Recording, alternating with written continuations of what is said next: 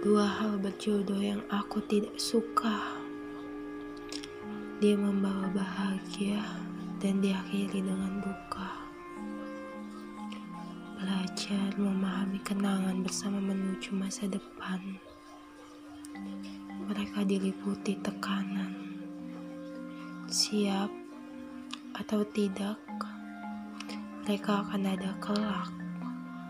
Senang yang dimulai tertekan sebagai akhir. Entah kapan dan di mana kita bertemu, lalu menjadi satu dan diakhiri dengan pilu.